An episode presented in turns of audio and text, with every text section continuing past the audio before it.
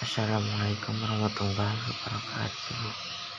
Pada episode ini saya akan menjelaskan materi teks hasil observasi.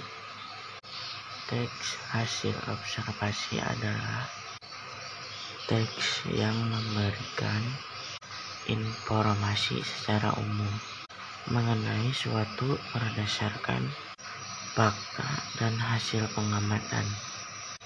Secara langsung hasil pengamatan atau yang bisa disebut dengan observasi itu dilakukan oleh si pengamat dengan tujuan langsung ke lapangan untuk mengetahui sebuah informasi yang ada.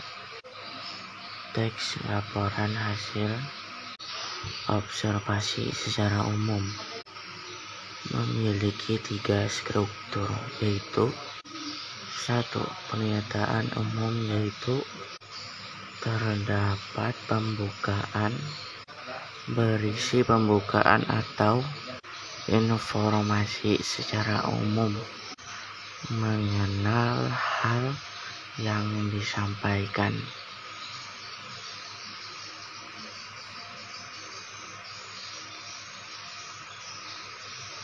Bagi ini berisi hal umum.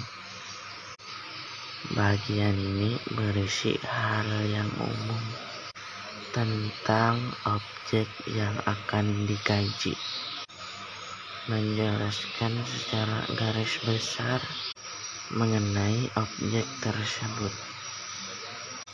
2. Deskripsi bagian terdapat isi, rincian, pembahasan, dan penjelasan secara lebih mendalam mengenai informasi yang ingin disampaikan.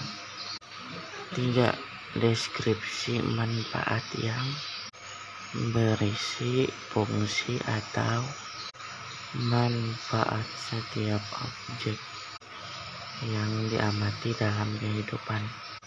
Kaidah kebahasaan teks observasi karena teks hasil observasi ini berkaitan dengan penelitian dan pengetahuan